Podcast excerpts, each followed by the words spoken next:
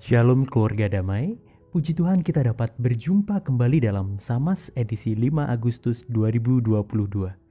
Tema kita pada hari ini adalah Warisan Abraham. Mari bersama mempersiapkan hati kita, marilah kita berdoa. Ya Tuhan yang Maha Mulia, kami bersyukur ketika kami boleh kembali memperoleh waktu yang teduh untuk berjumpa dengan Tuhan. Kiranya di waktu yang indah ini, Tuhan berkenan memberkati kami. Tuhan menolong kami untuk mengerti firman dan pesan Tuhan untuk kami. Terima kasih ya Tuhan, di dalam nama Tuhan Yesus kami berdoa. Amin. Keluarga damai, bacaan kita terambil dari kisah para rasul pasal yang ketujuh, ayat yang ke 1 sampai dengan yang ke-8. Ayat ini adalah bagian dari perikop yang oleh Lembaga Alkitab Indonesia diberi judul Pembelaan Stefanus. Demikian.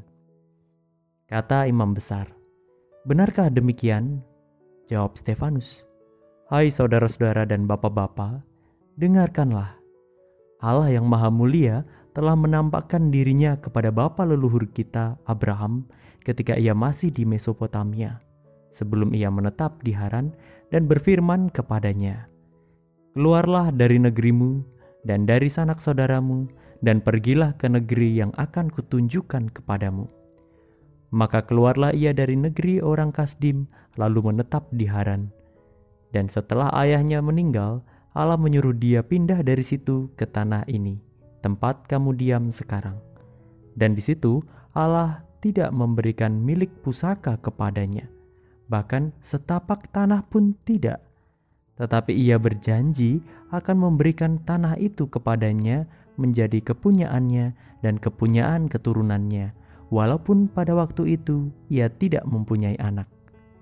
Beginilah firman Allah, yaitu bahwa keturunannya akan menjadi pendatang di negeri asing dan bahwa mereka akan diperbudak dan dianiaya 400 tahun lamanya tetapi bangsa yang akan memperbudak mereka itu akan kuhukum, firman Allah. Dan sesudah itu mereka akan keluar dari situ dan beribadah kepadaku di tempat ini. Lalu Allah memberikan kepadanya perjanjian sunat. Dan demikianlah Abraham memperanakan Ishak lalu menyunatkannya pada hari yang ke-8. Dan Ishak memperanakan Yakub dan Yakub memperanakan kedua belas bapa leluhur kita. Demikianlah bacaan kita pada hari ini. Keluarga damai, bulan Agustus adalah bulan yang spesial untuk kita bangsa Indonesia. Pada tanggal 17 nanti, kita akan kembali memperingati hari kemerdekaan. Biasanya, kita akan mendengar suara proklamator kita yang dengan lantang menyatakan kemerdekaan Indonesia. Momen ini tentu saja tidak hanya untuk memperingati kemerdekaan, tapi juga memperingati uh, perjuangan para pahlawan yang terlibat dalam proses persiapan hingga meraih kemerdekaan. Orang-orang yang berperan dalam pembentukan negara Indonesia seperti Insinyur Soekarno, Muhammad Hatta, Sultan Syahrir, maupun para tokoh lainnya, mereka disebut juga sebagai para founding fathers atau bapak bangsa Indonesia. Bangsa Yahudi juga memiliki bapak Abraham yang disebut oleh Stefanus sebagai bapak leluhur. Kalau setiap kita mengenal Insinyur Soekarno, maka orang-orang Yahudi pun pasti mengenal siapa itu Abraham. Mereka sama-sama terkenal dan memegang peranan penting dalam pembentukan suatu bangsa. Namun bedanya, ketika Soekarno meninggal, hasil perjuangannya yang diwariskan bagi kita yaitu sebuah wilayah dengan bentang yang sangat luas untuk bangsanya. Dari Sabang sampai Merauke, dari Miangas sampai ujung Pulau Rote. Tetapi bagaimana dengan Abraham? Meskipun ia sangat kaya, seperti yang diceritakan oleh Stefanus, uh, Tuhan tidak memberikan setapak tanah pun pada Abraham. Abraham mewariskan hartanya, tapi ia tidak mewariskan tanah perjanjian untuk anaknya. Anak cucunya tidak bisa hidup menetap di tanah yang dikuasai atau dimiliki sendiri. Keluarga damai, Abraham memang orang yang taat akan Tuhan. Saat Tuhan menyuruhnya pergi ke suatu tempat, ia mengikutinya. Meskipun pada akhirnya ia hanya akan menjadi orang asing di sana. Saat Tuhan bilang bahwa ia akan punya anak yang banyaknya seperti bintang di langit, Abraham percaya. Dan Tuhan memperhitungkan itu sebagai sebuah kebenaran pada Abraham. Bahkan ketika Tuhan meminta Ishak, anaknya yang tunggal untuk dikorbankan, ia juga taat. Tuhan juga berjanji bahwa Tuhan akan memberikan tanah Kanaan kepadanya.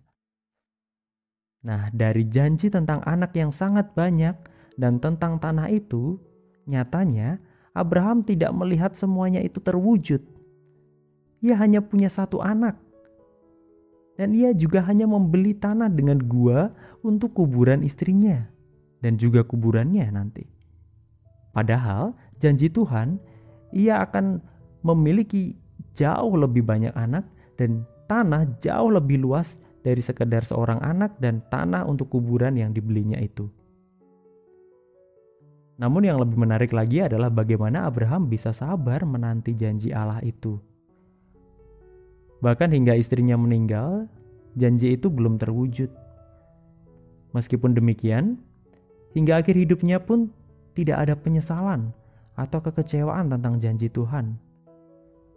Perjanjian dengan Tuhan selalu dipegangnya Imannya ia tunjukkan dan ajarkan kepada anaknya. Ia menunjukkan langsung kepada Ishak bahwa Tuhan adalah benar-benar Allah yang menyediakan. Nah, kisahnya terus jadi pelajaran dan inspirasi bagi anak cucunya hingga kini. Oleh karena itu, Abraham tidak hanya bapa leluhur bagi orang Yahudi, tetapi disebut juga bapa orang beriman. Keluarga damai, Mungkin kita berpikir bahwa mewariskan harta untuk anak cucu itu baik atau bahkan perlu atau kalau bisa ya harus. Namun, kita bisa belajar dari cerita Abraham bahwa sebenarnya tidak hanya harta kekayaan saja yang bisa diwariskan. Iman adalah harta berharga yang juga bisa diwariskan. Coba kalau dari awal Abraham ogah-ogahan ketika disuruh Tuhan untuk pergi dan tidak percaya ketika Tuhan berjanji. Coba kalau ia tidak pernah percaya bahwa ia akan memiliki anak karena merasa, "Ya, aku sudah tua." Lalu, apakah akan lahir anak-anak dan terbentuk bangsa Yahudi yang besar dan banyak itu? Atau kalau setelah punya anak, yaitu Ishak, karena terlalu lama menunggu, lalu tiba-tiba ia berhenti percaya bahwa Tuhan akan memberikan kepadanya tanah Kanaan juga? Nah, apakah Stefanus dan orang-orang Yahudi itu kini bisa tinggal di Yerusalem? Hmm. Iman Abraham adalah harta berharga yang jauh lebih awet dibandingkan harta kekayaannya. Abraham dan imannya terus diingat, diajarkan, dan menginspirasi anak cucunya dari generasi ke generasi hingga sekarang ini. Nah, karena imannya, anak cucunya mendapatkan berkat jauh lebih banyak jauh lebih banyak dari harta yang ia miliki dan ia berikan kepada Ishak. Demikian juga kita bisa melihat dalam diri Stefanus. Kita bisa melihat keteguhan iman percaya itu, bahkan hingga akhir hidupnya. Kiranya kita tidak hanya memikirkan tentang harta untuk diwariskan ke anak cucu, tetapi juga memikirkan tentang iman seperti apa yang kita ingin agar orang-orang yang kita kasih itu bisa resapi, simpan, dan bawa dalam hidup mereka. Sikap-sikap seperti apa yang akan kita jadikan inspirasi untuk mereka? Apakah ketakutan, kekhawatiran, dan patah semangat yang hanya akan mengeringkan tulang? Atau kita bisa menunjukkan iman yang teguh, damai sejahtera, dan hati yang penuh gembira yang memberi kekuatan dan kemenangan dalam menjalani hidup. Kiranya iman seperti Abraham dapat kita miliki dan tunjukkan, serta kita wariskan kepada orang-orang terkasih kita. Amin. Mari kita berdoa. Ya Tuhan, bantu kami untuk memiliki iman percaya yang teguh kepada Tuhan. Bantu kami untuk mewujudkan dalam kehidupan kami. Biarlah kami dan anak-anak kami, cucu kami, dan orang-orang yang kami kasihi bisa memiliki dan mewarisi iman seperti Abraham. iman yang bertumbuh dan berbuah dalam kehidupan, bahkan hingga masa-masa yang akan datang. Di dalam nama Tuhan Yesus, kami berdoa. Amin. Keluarga damai, demikian sama kita pada hari ini. Selamat menjalani dan mensyukuri hari pemberian Tuhan. Selamat mewariskan iman, Tuhan memberkati.